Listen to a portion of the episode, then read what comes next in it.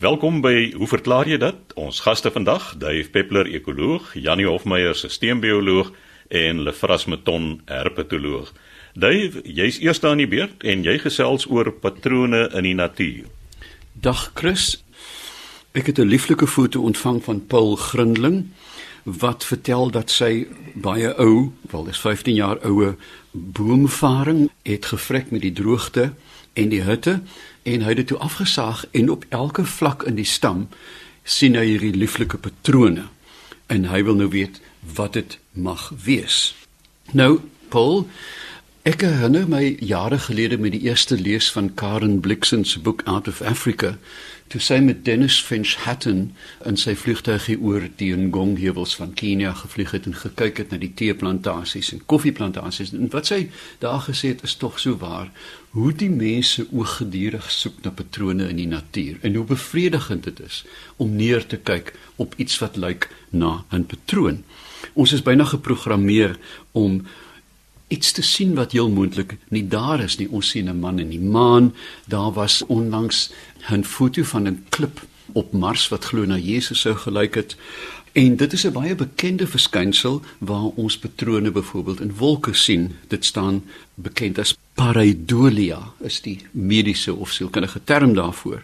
Nou ons weet ook dat op eBay daar gereeld artikels verskyn die beroemde gesig van Jesus op roosterbrood 'n uh, jare wat gelede wat verkoop is vir 25000 dollar maar nou is dit oorskry deur die gesig van moeder Maria op 'n kaasbroodjie en dit is vir 28000 dollar verkoop.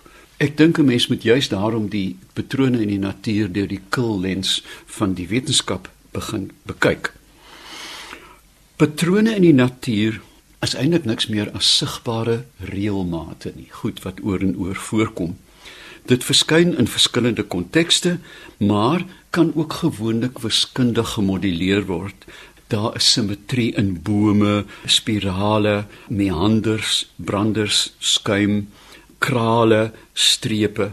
Ons weet van die bekende Fibonacci modellering van hierdie spirale byvoorbeeld en Janie jy sal onthou die groot opwinding in die 70's toe die boek Kedel Escher Bach verskyn het hoe interessant dit vir ons was om te sien die wiskundige verband tussen hierdie pragtige patrone. Escher was natuurlik 'n leeftyd lank gefassineer deur hierdie herhalende patrone en ook hoe die oog gevlous kan word.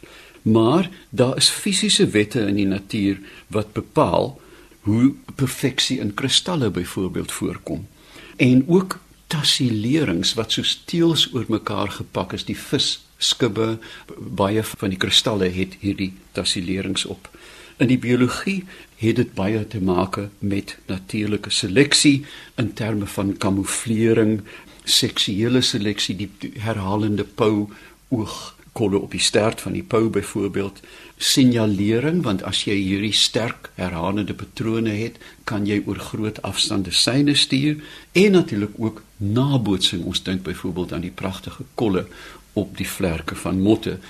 Nou die voorkomste van hierdie patrone is natuurlik die een is simmetrie dis baie algemeen En simmetrie is algemeen bekend in die natuur in terme van bilaterale simmetrie. As jy 'n gesig uh, sou neem of die mens se liggaam, dan kan jy soos Leonardo dit in twee deel, behalwe by mans sal die regte testikel laer hang as die linker een, maar uh, vir die res is dit redelik simmetries.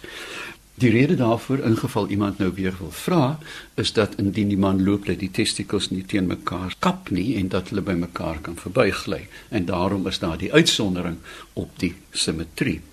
Die uh, simmetrie het gewoonlik te maak met gevorderde lewensvorme in die sin dat daar gewoonlik voor 'n mond is, agter 'n anus en dan moet daar hierdie simmetrie daarom ontwikkel. Indien jy nie beweeg nie soos 'n seester is dit vyfledig simmetries wat eintlik sin maak dat gevaar en kos van enige kant af kan kom en dan hoef jy nie te beweeg nie. Maar in die bilaterale simmetrie soos 'n tier byvoorbeeld draai jy jou na die prooi en gaan eet die ding op. Dave, daar's ook baie interessante gevalle waar die bilaterale simmetrie sekondêr verander het. Soos by slakke het daar mos nou torsie plaasgevind en nou sit die anus voor langs die mond. Jy's doodreg. Ek dink een van die uitsonderings is die tongvis byvoorbeeld. Dit is totaal onsimmetries, maar heerlik. Simmetrie vervaag uiteraard by plante soos bome wat oneindig selfgelyk is. Met ander woorde, as jy genoeg tyd het om die vertakkings van bome krities te bekyk, soos byvoorbeeld in mandelbrot, se hierdie wonderbaarlike patrone wat hy in chaos vind, sal jy sien dat die patrone selfs in 'n chaotiese boom hulle self mettertyd herhaal. En dit sien 'n mens in riviernetwerke, in die geologie, in berge en in bloedvate byvoorbeeld. Spirale is oorbekend. Ons weet in die molluska is dit baie bekend die seekatte wat soms in in spiraalvormige hulsel skuil. Ons weet die formule wat dit eintlik bepaal deur Fibonacci waar die verhouding 1 tot 1 tot 2 tot 3 tot 5 tot 38 is. So dis 'n baie vaste wiskundige formule. By blare kry ons dit waar blare gewoonlik so gerangskik is dat almal maksimaal sondig kry en daarom met baie plante hierdie spirale van blare wat in, in nie in in rosette nie maar wel spirale wat aan almal 'n gelyke kans gee. En dan weet ons ook dat in chaos, chaotiese ontwerpe is daar soos byvoorbeeld in vloei of meander is daar natuurlik die sogenaamde skoenlapper effek dat die as ek dit reg het Jannie, ek dink jy kan dalk my net hier uithelp dat die hart van chaos is gewoonlik redelik stabiel, maar aan die rande as jy daar karring, kan die effekte onvoorspelbaar word in baie opsigte en ook redelik groot. En dit is waar die sogenaamde skoenlapper effek dat klein bewegings aan die rand van chaos groot nagevolge kan hê. Dis min of meer reg, dit gaan daaroor dat jy in 'n chaotiese stelsel baie sensitief is vir beginkondisies. So as jy aan die beginkondisie 'n klein verandering maak, dan kan jy 'n geweldige effek op die ouend kry. So die skoenlapper effek is daar's 'n skoenlapper wat sy vlekkies knip in Hong Kong, sy vlekkies waai en dan is daar orkane in Buenos Aires. So. Ja. Maar dis die idee van sensitiwiteit vir beginkondisies. Ja. En dit is natuurlik hoe merkwaardig evolusie ontwikkel het want in die beginkondisies was, jy weet, die kleinste aanpassing het hierdie diversiteit ten gevolge gehad. Nou ja, ons weet ook dat daar in branders en duine versteurings kom waar energie oorgedra word byvoorbeeld binne die patroon en daarom kry ons hierdie pragtige herhalings. Ons kry vir my iets wat ek nooit verstaan het wiskundig nie, maar seepbelle byvoorbeeld baie sterk wiskunde bepaal wat die hoeke tussen belle gaan wees. As jy byvoorbeeld 3 belle het, is die hoek 120 grade, 4 is 109 grade ensovoorts. En dit sien 'n mens manifesteer in die ontwerpe in sponse byvoorbeeld in die see en Buckminster Fuller geodesiese koepels word ook bepaal hierdie vaste hoeke op 'n oppervlak wat maksimaal 'n ruimte omvou. En dan het ons vroeër gepraat van tessellasies, die patrone deur herhalende teels oor 'n plat oppervlakte. En dit sien ons byvoorbeeld in die pragtige ontwerp van 'n heuningkoek. Laastens is daar krake. Krake is nie lukraak nie. Daar is fisiese wette wat bepaal hoe 'n oppervlakte kraak. Dit is gewoonlik op 90 grade hoeke, maar as die oppervlakte vloeibaar is, soos baie dun modder, dan verander hierdie hoeke. Laastens wou ek sê spikkels en strepe soos ons al te goed weet in die natuur gaan te doen met kamouflering, syne en met gevaar uitsaai in baie diere soos byvoorbeeld muishonde wat sê swart en wit sterk strepe bly weg van my of soepel wat jy hier sien is 'n stipe nou 'n stipe is 'n tussen vorm tussen die risoom van jou varing want varing het nie 'n stam nie hy het 'n risoom en die blaarsteel. En hulle loop reg deur hierdie stam en veroorsaak hierdie pragtige, pragtige ontwerpe. So, om af te sluit, die menslike oog soek en verkies orde in chaos, want die oog soek skoonheid en verklaring, dink ek. Daarom dink ek is patrone soveel makliker om in die natuur raak te sien omdat die oog altyd ingestel is. So sê Dave Peppler, ekoloog. Jannie, 'n luisteraar wil weet, het mikrogolwe enige invloed op die skimmel wat 'n mens op kos aantref? Die vraag kom van Kobus Stander wat sê, het mikrogolwe in die mikrogolfoond enige invloed op die skimmel wat 'n mens op voedsel, soos byvoorbeeld brood of groente of vrugte kry, wat vir 'n tyd ongebruik buite geberg is? Wat sal die resultaat daarvan wees as mense dit dan in die oond verhit, in die mikrogolf oond verhit? Nou Kobus, as die vraag is of mens enige nadelige effekte van skimmels of meer korrek ons noem dit eintlik swamme op kos kan voorkom deur dit in die mikrogolf oond te bak of te kook of warm te maak of wat ook al, dan is die antwoord in die algemeen nee. In die algemeen moet mens baie baie versigtig wees vir skimmels wat op kos voorkom en dit eerder weggooi as as om enigiets daarmee te probeer doen. Maar kom ons vra wat is voedselskimmels nou eintlik? So 'n skimmel of ons noem dit soms 'n muf is 'n mikroskopiese swam wat op plant of diermateriaal leef. Dit groei uit mikroskopiese spore wat in die lug rond sweef. So daar is oral op die aarde is daar wel spore van skimmels of swamme. So as so 'n spoor dan nou op 'n klampstukkie kos, voedsel land dan ontkiem dit en groei tot 'n skimmel wat oor die voedsel versprei. Ons het almal al gesien 'n stuk brood wat nou lank daar in jou broodblik gelê het en dan is daar so 'n blou-groenerige muf wat so stadig aan oor die met so 'n draderige skimmel aspergillus wat oor die brood versprei. Ons moet ook onthou dat hierdie skimmels in jou longe kan groei as jy in grotte rondkrap, Janie. Ja, oor die algemeen dis een ding, as jy so 'n skimmel op 'n brood sien, moenie diep asemhaal daarna by nie, want hy gee heeltyd spore af en in spore wat in die longe, skimmelspore en swamspore in die longe is baie gevaarlik. Maar Jannie, jy het ook gesê die spore is oral in die lug in elk geval. So asem ons daar nie maar die heeltyd van die spore in nie.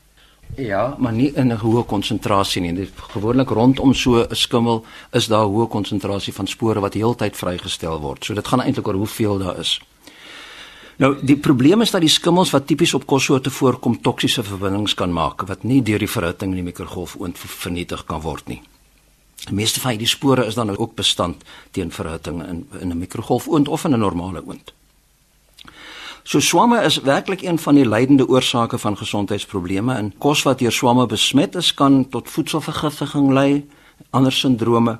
En daar's 'n een pragtige voorbeeld wat ek opgespoor het. Miskien het luisteraars al gehoor van die bekende Salem heksejag wat in 1692 in die dorp Salem en omliggende dorpe kwessie was. Daar het 'n groep jong meisies vreemde visies en halusinasies gehad en op grond daarvan 'n reeks mense van heksery beskuldig wat uiteindelik gelei het tot die inhegtersname en teregstelling van 20 mense, onder andere 14 vroue, almal natuurlik onskuldig, hulle het absoluut niks gedoen nie.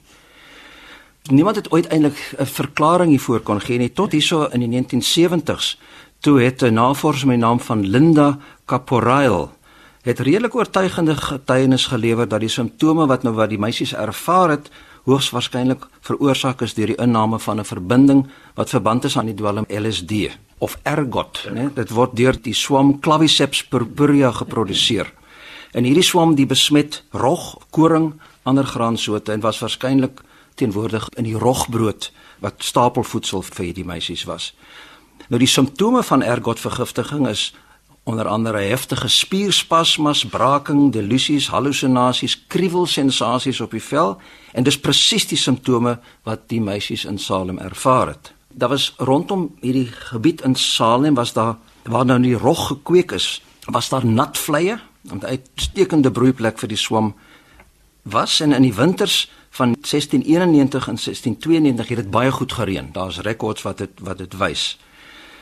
In teenstelling daarmee was die somer van 1692 baie droog en, en dit sou die groei van van hierdie swam dan verhoed en ook verklaar waarom die simptome skielik opgehou het want waarskynlik was daar dan nie van hierdie mekotoksin in die brood in die somer van of na die somer van 1692 nie. Miskien het luisteraars ook al gehoor, dit is redelik onlangs weer in die nuus gewees van 'n swamtoksien of noem dit ook 'n mikotoksin wat wetenskaplik bekend staan as aflatoksin en dit word geproduseer deur Aspergillus swamspesies en dit is veral op stapelvoedsel soos grondboontjies. En besmette grondboontjies is een van die hoofbronne van aflatoksin vergiftiging en is 'n baie baie toksiese en gevaarlike verbinding. Ek het self in my vroeë navorsingsloopbaan op 'n mikotoksin gewerk. Die naam daarvan is moniliformin en dit word geproduseer deur 'n swam Fusarium moniliforme, groei veral op mielies. En een van die groot probleme in die Oos-Kaap was dat Fusarium wat groei op die mielies in daardie area gepaard gaan dan met slukdarmkanker. En ons het gekyk na wat die werklike meganisme van werking van hierdie moniliformin was en dit is interessant dat dit 'n sogenaamde selfmoordsubstraat is. So is 'n substraat vir sekere sleutelensieme in die metabolisme En die ensiem sien hierdie verbinding as 'n substraat en bind dit en aktiveer dit dan en dan die geaktiveerde verbinding bind dan permanent aan die ensiem in die aktiewe setel waar die ensiem sy werking doen en inaktiveer sodoende die ensiem.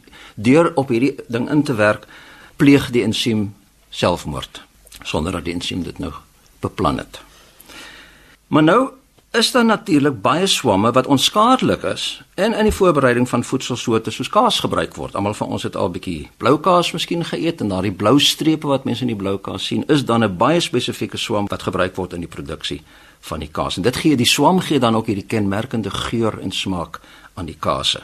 Die Franse is natuurlik die eksperte op hierdie gebied en het allerlei tipes van swamme gebruik. As jy brie of camembert is ook swamme wat die kenmerkende geur en smaak aan die kaas gee.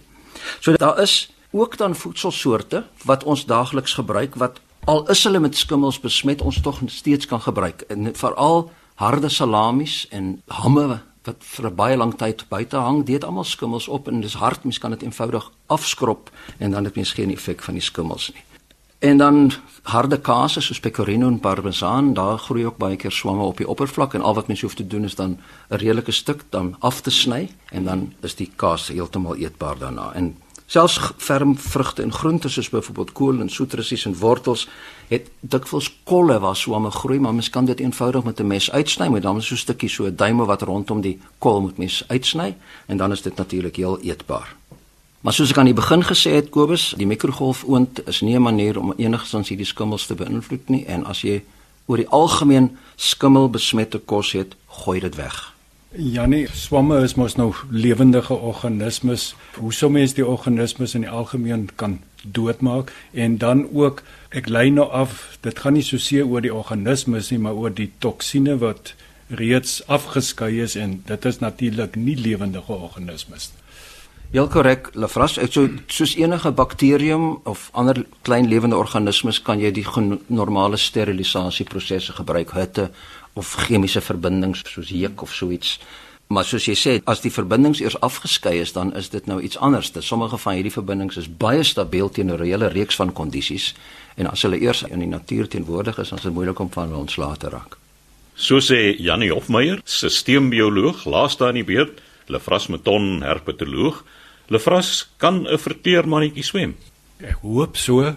Johan Resou van Brits, hy sê hy het 'n bietjie golf gespeel en hy het so 'n slag 'n bal bietjie van koers afgeslaan tot naby die dam en toe hy nou die bal gaan soek, toe sien hy 'n verkleermannetjie daar in die vlakwater wat lyk asof hy swem en die verkleermannetjie is ook soos hy dit beskryf, lyk of hy opgeblaas is. Nou hierso is nou eintlik twee fasette wat ons moet bespreek. Eerstens kan verkleermannetjies swem, kan landwerweldiere in die algemeen kan hulle swem en dan die tweede ding wat ons dalk by 'n volgende geleentheid bietjie meer in detail na sal kyk is die kwessie van die opgeblaasenheid wat se effek dit het.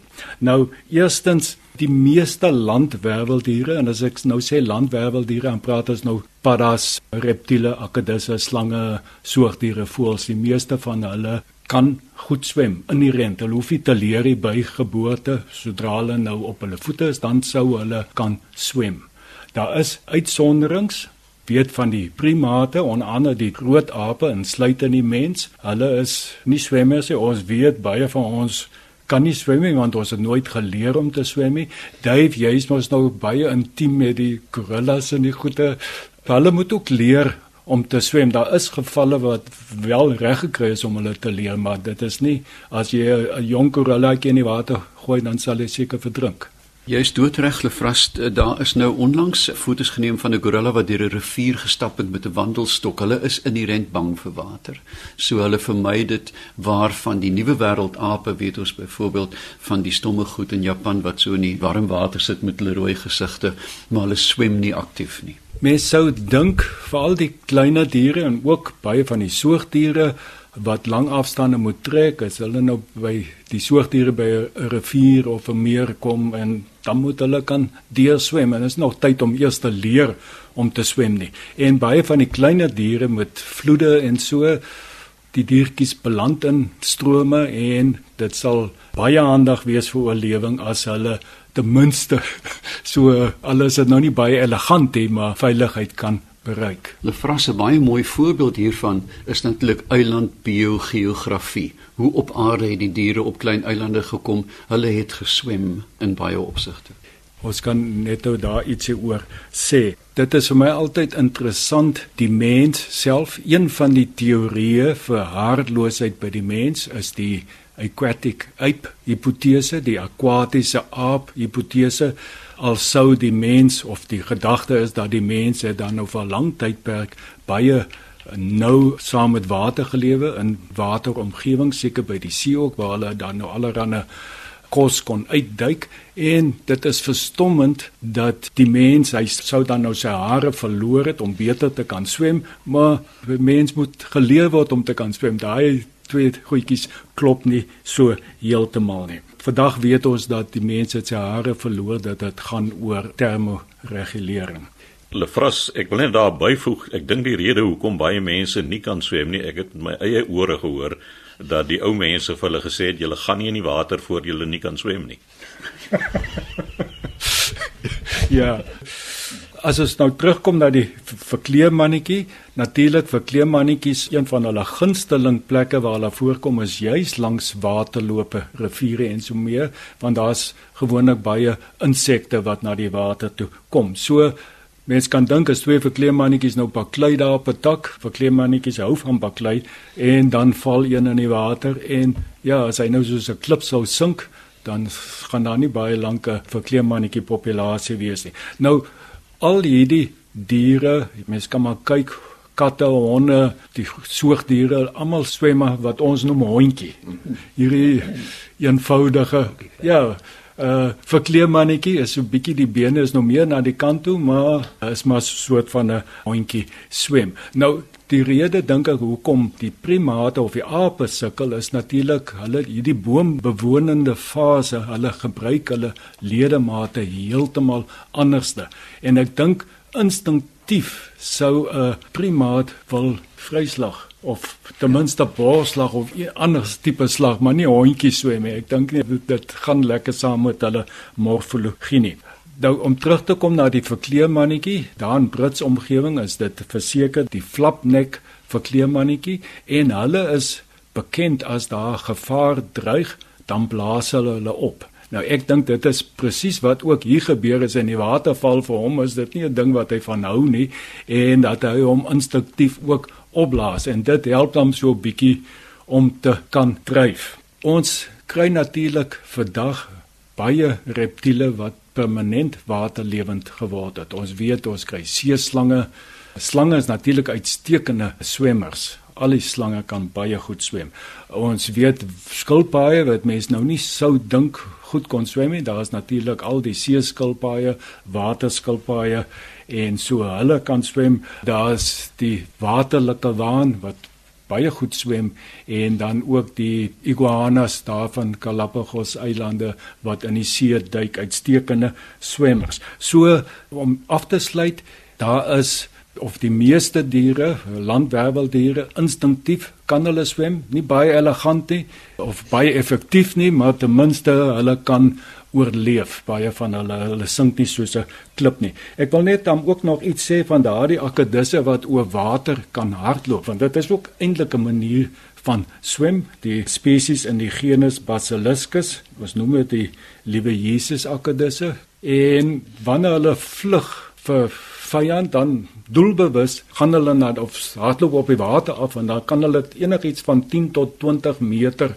oor die water hardloop op hulle agtervoete. Die voorbene is gelig en hulle kry dit reg want hulle agtertone is baie lank. Ja, dui wys hierso so 'n tipe van 'n hondjie swem hulle agterbene werk teen 'n baie vinnige spoed en daar's die agtertone ook sulke frilletjies op om natuurlik om die oppervlak bietjie te vergroot en dit werk baie effektief. Nou ja, dit was dan Lefras Meton, ons herpetoloog wat gesels het oor verkleermannetjies se vermoë om te swem. Skryf gerus aan ons by hoe verklaar jy dit? Posbus 2551 Kaapstad 8000 of stuur 'n e-pos aan chris@rsg.co.za